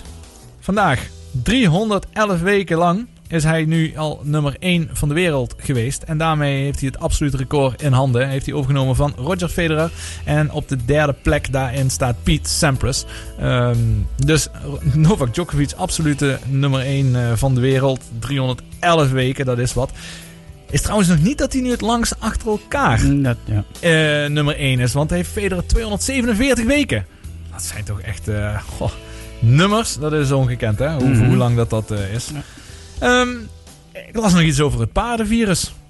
In de paardensport stond een rapperhoer eh deze week. eh, want er is een van de rhinovirus. eh, wat een of ander dodelijk virus is onder de paarden. Waardoor ook die sport helemaal op zijn gat bijna ligt. En eh, dat gaat nog heel spannend worden richting een eh, Tokio. En of, of die paarden allemaal kunnen verplaatst en vervoerd kunnen worden. En bij elkaar in de buurt eh, mogen komen. Dus alsof het nog niet eh, alleen onder de mensen spannend is op dit moment met sporten. Gaan de, doen de paarden er ook aan mee. Toen heb ik meteen maar even gekeken naar de Jumping Indoor Maastricht Gym. maar die staat pas in november dit jaar gepland. Dan heb ik eigenlijk de vraag voor jou. Is het altijd zo laat in het jaar, Jumping Indoor Maastricht? Ik dacht dat Volgens dat... mij niet hoor, Nee, maar ik meen dat het in september was. Maar ik weet niet, geen idee. Maar als je dat paardenvirus hebt, dat komt uit Spanje overgewaaid. Dus vraag je af hoe snel die paarden hier zijn dan en met het virus. Nee, misschien toch eens met Sinterklaas te maken dan en, eh, en zijn schimmel. ik zou het niet durven zeggen. ik zou niet weten welke paarden anders nog van Spanje hier naartoe eh, komen. Nee. Maar ja, dat, Mhm. nou goed, van de andere kant, eh, corona kwam ook vanuit Wuhan heel snel Ja, de wereld over. Dus je Mhm. hebt soms maar een paar mensen nodig, of in dit geval een paar paarden nodig om het te verspreiden. ja. Ja, dus ja, dat, benieuwd hoe dat gaat. Ehm, en anders, ja, we gaan echt van links naar rechts nu. Barcelona. Daar hebben we het natuurlijk al een paar keer over gehad. Dat dramatische seizoen en dit en dat. En Messi die eh, verdedigt niet mee en die doet niks. En, en noem het allemaal op. Maar inmiddels drie punten nog maar achter koploper Atletico Madrid. Ja, is ook veel veranderd in de tussentijd. Want als je ziet hoe enthousiast eh, Messi is en hoe die ook eh, enthousiast rea- reageert op zijn jongere medevoetballers, dat is toch helemaal anders dan als in het begin van het seizoen.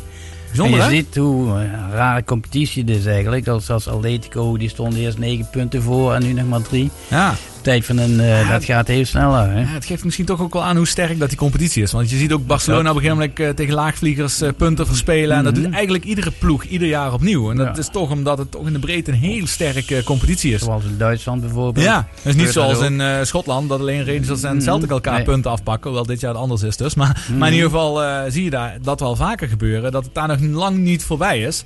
Het zou wel Dat echt klopt. stunt van het jaar zijn denk ik hoor. Als Koeman eh, uiteindelijk daar nog de titel eh, weet te winnen. Inderdaad, ja, een paar Ja. weken geleden hier werd Ja. hier verteld dat hij het einde van het seizoen niet haalde. Precies.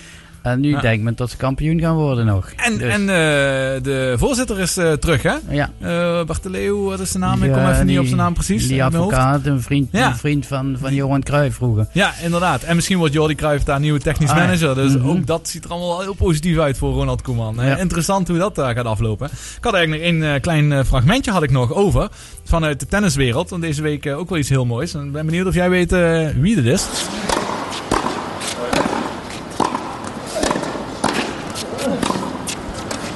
Ik had het wel heel knap gevonden hoor, als je dan het geluid had kunnen horen. Maar dit is Roger Federer. Roger, Federer Roger Federer die maakt deze week zijn rentree in, eh, in Qatar. Eh, Maakt hij zijn, of nee, Doha, sorry, maar Qatar is daar sponsor. In Doha maakt hij zijn rentree na meer dan een jaar afwezigheid. Zijn laatste officiële wedstrijd speelde hij vorig jaar in de Australian Open. Dus dat is vorig jaar januari geweest. En met twee knieblessures, twee knieoperaties moet ik zeggen, is hij nu weer terug en gaat hij deze week spelen. Met weinig verwachtingen, zoals hij zelf zegt. Dat zou ik ook zeker zeggen als ik er meer dan een jaar niet gespeeld had. En ik denk dat hij ook nog eens pech heeft dat hij een bye heeft in de eerste ronde. Want nu speelt hij dadelijk ook tegen iemand die al een wedstrijd in de benen heeft, et cetera. Mhm. Maar goed, hij zegt zelf, hè, het gaat erom om wedstrijdritme op te doen. Kijken wat de reactie op zijn knie is en op zijn lichaam is. Want hij heeft natuurlijk maar één doel. En dat is Wimbledon. En Wimbledon is eind eh, juni. En dat is eh, de bedoeling dat hij daar 100% fit voor eh, gaat zijn. En dan heb ik even nog als allerlaatste puntje hierin. die had jij ook al eens aangegeven. Ja. Als iemand enig idee heeft hoe een drive van 360 yard eh, klinkt in de golfsport. Luister dan vooral even heel goed. That's where he's aiming. Oh, dit is... Just a little bit wide of it, but this ball appears to be hammered. Ja, je moet daar eigenlijk gewoon de beelden bij hebben. Maar eh, Bryson DeChambeau, Amerikaanse golfer, die heeft zichzelf tijdens de eerste lockdown volledig opgepompt in de gym. eh proteïne shakes, kilo's vlees, et cetera, et cetera. Is 20 kilo bijgekomen. Aan En- spieren, hè? Aan spieren, inderdaad. en hij heeft me toch echt afstanden. Hij wint een heel groot toernooi afgelopen week. Arnold Palmer Invitational op Bay Hill. Een van de grotere toernooien van het jaar. En daar laat hij toch zien dat hij eh, niet alleen met die verre drives van ruim over de 300 meter. Maar ook met zijn ongelooflijke putten. Dat toch de twee belangrijkste onderdelen van het spel op dit moment zijn. En eh, ja, spectaculair. Heb je ik dat ook- gezien? Ja, heb ik gezien. Nou, twee keer zelfs. maar wat ik ook knap vind, is dat die ballen niet kapot slaat. Hè? ja, Want Ja, dat zijn toch of- ongelooflijke krachten gaan Ja, daar. eh, Waanzinnig. Waanzinnig. Ja. De, de discussie binnen de golfsport is al heel lang eh, dat het eigenlijk niet moet kunnen. Het gaat te ver. Mhm. Maar nu, nu hij dit doet, iedereen spreekt erover. Iedereen eh, is verbaasd hoe ver dat hij deze bal over 300 meter water slaat. Ja, dat wil ik net zeggen. Ja. Het is niet alleen zijn afstand, maar hij ging Ah, deze ook is met als risico, hè? Met een risico over, over, eh, over een vijver heen. Van 300 meter. Van 300 Ja, meter. En dat doe je niet zomaar, Nee. want eh, het risico dat hij in het water komt, dat is groot. En dan verspeel je toch je, je ranking. Ja, maar dat is- hij wist wat hij deed natuurlijk. Ja, absoluut. 300, tegen de 350 meter aanstaan. Heel is- knap. En een absolute attractie eh, binnen de golfsport. We gaan eh, weer snel wat muziek luisteren. Seven Days in Johnny, Sunny June van Jamiroquai. Want dan kunnen we ondertussen even kijken of we Sander Kleikers aan de telefoon kunnen krijgen... om het laatste wielernieuws met hem door te nemen.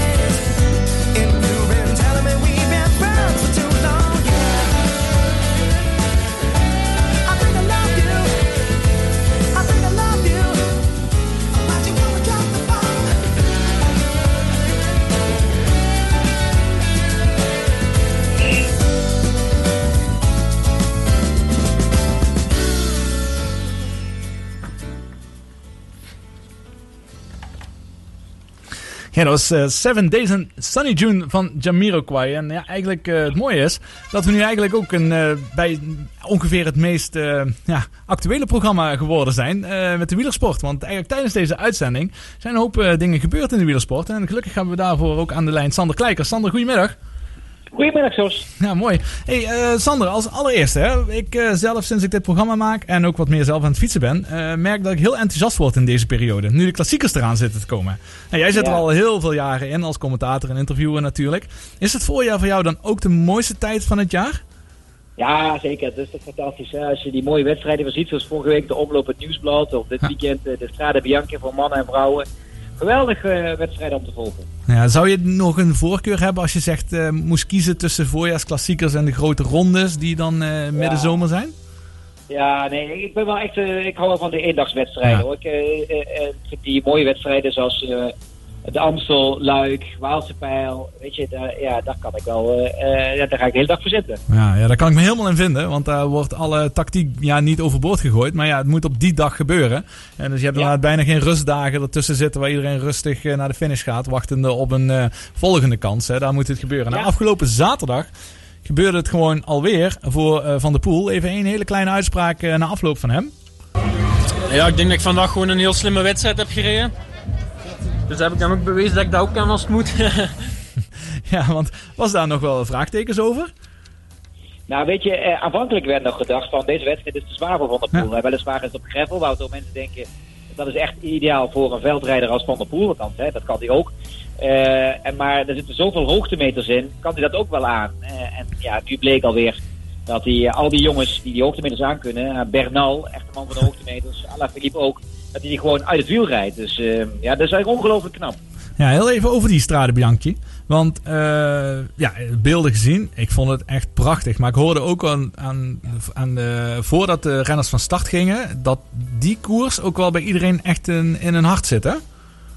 Ja, en dat is nog apart eigenlijk, want hè, die koers is nog geen 20 jaar oud en toch al eh, wordt die zo eh, eh, door eh, wielerliefhebbers ook echt omarmd. Dat is één, omdat het gewoon een hele veelzijdige wedstrijd is. Hè. Het is een mooi gebied in Italië, het is gravel, het gaat op en af. Eh, iedereen rijdt erin mee, want iedereen rijdt zich of voor op eh, eh, de Tirreno die eraan zit te komen, op Parijs-Nice. Of op die voorjaarsklassiekers die er nog aan zitten te komen. Dus je hebt altijd daar een supermooi deelnemersveld van eh, klassieke renners. En je hebt een deelnemersveld van eh, ehm, eh, grote ronde renners. Ja, van alles wat. Want als je even kort naar die eh, wedstrijd eh, terugkijkt, eh, met welke ongelooflijke wereldnamen dat Van der Poel reed. Hoe heb jij dat, die wedstrijd bekeken en, en was je nog steeds verrast over wat Van der Poel daar presteert? Ja, inderdaad. Ja. Eén was ik niet helemaal verrast dat hij mee zat. Ik dacht wel, goh joh, je zit aan het einde met die beklimming in Siena. Met Alaphilippe in je wiel. Ja, dat is natuurlijk de grootste puncheur van, eh, van het peloton. Die normaal gesproken in, bij wedstrijden als de Waalse Pijl, eh, met zijn vergelijkbare aankomst, echt in staat is om daar eh, iedereen weg te rijden. En dat Van der Poel dan Alaphilippe weer wegrijdt. Ja, dat vond ik stiekem toch heel erg verrassend. En niet een beetje, hè? Want het begon al een spel. De, ja, hij demereerde natuurlijk als eerste, kreeg hij van de pool mee en later ook Bernal. Maar daarna Ja. gaf hij op vier kilometer ook nog zo'n speldenprikje. Ja, ja, niet normaal. Dat was zo, zo knap. Ja. Eh, ja, hij was gewoon bij far de beste. Ja. Ook wel het eh, terechte commentaar na afloop van Philippe. Ik ben hier gewoon op waarde geklopt. Punt. Ja, inderdaad, helemaal waar. En dan vraag ik me af, eh, zo'n ploeg waar Van de Poel voor rijdt, dat is toch een relatief kleine ploeg, hè? De, ehm, waar hij, hij voor rijdt. Is het dan niet zo dat na dit jaar zijn ploeg Alpecin hem ja, moet laten gaan, omdat die grote ploegen toch wel echt een beurs gaan trekken dadelijk? Nou, ik denk juist niet, want hij verdient echt wel heel goed geld hoor, bij, eh bij Alpecin Phoenix. En twee, zijn ploeg is echt wel eh, zwaar in de lift. Tim Merlier, ploeggenoot, won ook afgelopen eh, weekend een mooie wedstrijd. Eh, ze hebben er echt wel hele goede renners eh, eh, rondrijden. En wat voor Van der Poel heel belangrijk is, eh, dit is een ploeg die ook op hem is afgestemd. Ja, waar krijg je die luxe? Ja. Eh, dus, eh, en hij vaart daar echt wel bij. Dus eh, hij, die, die, die gaat niet zo snel naar een andere ploeg toe. De ruimte die hij hier heeft, en ook het salaris dat hij verdient, dat vindt echt heel goed geld daar. ja, dan ga je niet zo snel ergens anders ook kunnen betalen. Nee, dat eh, heel slim inderdaad. Hoe je, precies hoe je het zegt. Eh, Het is een beetje zoals Ja. eh, Messi wordt een ploeg om Messi Ja. heen gebouwd. En niet Messi komt in een ploeg. Hè? Dat is een beetje wat hier ook Ja. gebeurt. Dus hij, hij, heeft natuurlijk ook goed, zeker met zijn vader en alles, heeft natuurlijk ook een heel goede adviseur erin. Dus daar zal hij ook geen gekke dingen in, in doen. Ja. ja. Nee, dat is helemaal waar, ja. Wat ik me dan ook afvroeg, nu is vandaag, of gisteren, sorry, is Parijs-Nice is, eh, Ehm, Waarom kiezen bijvoorbeeld een eh, Bernal en een eh Pogacar, wat natuurlijk eh, Tour de France hebben gewonnen de laatste twee jaren. Waarom kiezen die nu voor zo'n klassieker, of een semi-klassieker, zoals Strade Bianchi, en, en fietsen ze niet mee in een rittenkoers? Ja, wat ze vaak kiezen, ze kiezen gewoon tussen ofwel Parijs-Nice ofwel het Tirreno Adriatico. Hè, die begint woensdag. Ehm, en dan is gewoon een beetje welke Italiaanse, welke voorbereidingskoers wil je rijden. Maar vaak de Tirreno is vaak ook nog wel wat beter weer. Eh, Parijs-Nice is echt vaak heel koud en nat en guur. Ja, die jongens, eh, die echte type ronde renners, ja, die houden niet zo van het hele koude, slechte weer. Dus die kiezen dan vaak gewoon voor een rittenkoers in Italië. Dus eh, die jongens die gaan we straks volgende week ook zien. Maar dan eh, gewoon in de Tirreno. Nou, nou, dat ik keuzes te over hè, voor de wielrenners op dit moment. Er zijn zoveel Ja, koersen. Ja, want en een paar weken geleden hebben we het eh, met, met elkaar eh, gehad over DSM. team DSM natuurlijk. Een Ja. mooie naam in Limburg. Ja, voor de uitzending vroeg ik nog aan jou. Waar is team DSM? Ja, jij zei, waar blijven ze? Ja, ik heb ze nergens En gezien. hebben ze zich aangetrokken, George. Je hebt wat dat betreft voorspellende gaven. Want vandaag in de sprint, tweede etappe Parijs-Nice, wint Kees Bol van DSM met overmacht de sprint van het eh, peloton. Of een beetje een uitgedund peloton was feitelijk. Eh, een heel mooie ploegentactiek. En Bol ja, die wint met eh, drie fietslengtes eh, deze etappe. Dus eh, ja, kop is eraf voor, eh, voor de ploeg. Heel gaaf. Dus eh, daar kunnen we nog veel meer van verwachten de komende eh, Ja. periode. Ja. ja.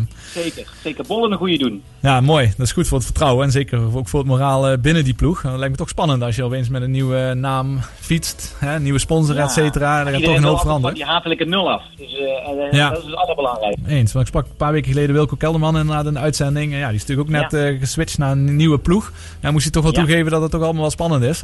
Dat het toch overal wel anders aan toe gaat. En dat zal daar ook niet anders zijn. Dus dat is ook positieve berichten. Ja, en dan Ja. als eh, Limburgers of Zuid-Limburgers, Maastrichtenaren eh, en natuurlijk de omgeving hier... is natuurlijk nog één koers wat ons heel erg bezighoudt. De Amsterdam Gold Race. Ja, dat is eigenlijk voor ons een beetje, toch een beetje het nieuws van de dag, hè, Jos. De Amsterdam Gold Race gaat definitief door. Dat is fantastisch. Een half uur geleden officieel eh, besloten door de gemeenten IJzer, Margraat, Maastricht en Valkenburg. Want ze gaan rijden op een afgesloten circuit op zondag 18 april. S ochtends de vrouwen, s middags de mannen. Eh, een circuit van 17 kilometer. Respectievelijk 8 en eh, 13 ronden worden er gereden door vrouwen en mannen. En eh, dat rondje, dat is een rondje over drie hellingen met de Geulemerberg, met eh, de Bemelerberg en de Kouberg. Het wordt een afgesloten circuit, dus niemand mag er ook bij komen. En de organisatie roept iedereen ook om echt thuis te blijven kijken op tv. Ga je ook altijd het beste kunnen zien. En eh, ja, dat is een- ja, voor het eerst is het dat, het die, dat die wedstrijd weer kan worden verreden sinds corona. Nadat het vorig jaar eh, dat eh, natuurlijk niet door kon gaan. Dus dat is hartstikke mooi nieuws. Ja. Ehm, overigens ook nog wel een nieuwtje is dat de start dit jaar dan niet op het strijdop is zoals de afgelopen periodes is geweest of op de markt. Maar ze gaan, omdat ze dus juist zo veilig mogelijk willen rijden, bovenop de Kouberg starten. Aha, oké. En, circuit zelf. ja, en hoe klinkt het voor jou, dat parcours? Ja, weet je, eh, eh, eh, ik ben natuurlijk niet eh, voor rondjes. Eh, want ja, dat, dat is een beetje net, als, net als een WK. Maar ik ben zo blij dat zo'n wedstrijd weer door kan gaan. En dat, dat geldt voor iedereen eigenlijk, weet je. Alle grote wedstrijden gaan door. Amsterdam Gold Race hoort bij de grote voorjaarswedstrijden. Het zou heel, heel, heel, heel stom zijn en vervelend zijn als al die grote wedstrijden in het buitenland doorgaan. Behalve de Nederlandse eh, grote klassieker. Ja. Dus eh, eh, dan maar met een compromis in een afgesloten circuit in rondjes. Maar we krijgen wel een mooi rondje. Dit wordt echt een slopertje dit hoor. ja. En, en hoe groot was zo'n rondje, zei je ook alweer, Sander? Zeven- 17 kilometer. 17, En, eh, ja, ja. met, eh, ja, als, je, eh, el- 17 keer, of als je dan 12 keer eh, de Kouberg, 12 keer de Geulenberg en 12 keer Mhm. Ja, is ook de mooi geweest. gedaan, dan ben je redelijk. Dan, ga je, dan ga je zelfs die Bemelerberg voelen. Wat ze normaal echt niet, echt niet voelen. Maar op het einde ga je die toch stiekem wel voelen, denk ik inderdaad. Nou, mooi. Supergoed nieuws. Ja, Nederlandse wielrennen staat er sowieso echt fantastisch voor op dit moment. Eh, zeker nu Kees Bol ook vandaag wint. En dan hebben we het nog niet eens over de vrouwen, want daar staat echt geen maat op op dit moment. Ja, dat is echt heel mooi om te zien. Hè? Zoals ook team SD Works eh, huishoudt. Juist. Met eh, Van der Breggen en met Chantal Blaak. Eh, en dan moet Van Vleuten nog een keer echt vol in actie gaan komen. Dus we hebben een mooie Nederlandse wielerdagen in het veld. Inderdaad. Nou, fantastisch. Genoeg om naar uit te kijken. Ook voor jou, Sander. Dankjewel weer voor je tijd. En geniet van de koersen en meer het comment- commentaar geven de komende weken. Dankjewel, ga ik zeker doen. Dank je. Hoi, hoi. Nou, mooi. Dat was eh, Sander Kleikers. Altijd mooi dat we hem even kunnen bellen om eh, het laatste nieuw- wielernieuws met ons eh, te bespreken. En zo is het dan Philip toch alweer enorm snel eh Inderdaad, enorm snel, ja. naar het einde weer van eh, deze Mhm. aflevering. Zonder een eh, studiogast, maar we hadden genoeg te bespreken. Weer interessante gasten die we aan de telefoon hebben gehad. Ja, en eh, zo krijgen we twee uur radio maken weer heel eh, makkelijk voorbij. Dus eh, bij deze, dankjewel Philip. Graag gedaan, was leuk. Ja, goed zo. Goed, Ja. om, goed om te horen. Anders eh, de evaluatie straks, dan krijg, ik, dan krijg ik ze weer erover. Dat moeten we, moeten we niet hebben. Dan is het nu weer langzaam maar zeker tijd voor de mannen van Café Us Maastricht. Zoals eh, altijd op maandag van 6 tot 8. Mij rest eigenlijk verder eh, niks anders nog dan te zeggen dat we volgende week er natuurlijk weer bij zijn. Wellicht dat we een studiogast hebben, dat weten we nog niet helemaal zeker. Maar dat zullen we dan wel zien. Maar, en nog één keer dan een aankondiging eh, over één maand om precies te zijn. Of in ieder geval een maandag eh, over een maand op eh, 12 april. Om 8 uur is de aftrap van MVV tegen Roda JC. En dit programma gaat daar speciaal een eh, aflevering omheen maken. En dat, dan ga ik ook even eh, de heren van Café ja, eh, erbij zetten. Dat goede nieuws, dat hoorden wij eh, zojuist, Jos. En eh, wij geven jullie wat extra zendtijd, dus jullie kunnen wat eerder beginnen om eh, lekker die wedstrijd eh, voor te gaan bereiden. Hè, dat was een vraag van jullie, geloof ik. En wij willen dan van tevoren wat MVV-muziek, Nou, wat afslepende muziek gaan draaien. In het Maastrichts natuurlijk. Hè. Uiteraard. Dus eh, dat gaat helemaal goed komen, die twaalfde. Ja, dus daar gaan we hard naartoe werken. Bedankt voor het luisteren. Tot volgende week. De lekkerste Spaanse churros haal je bij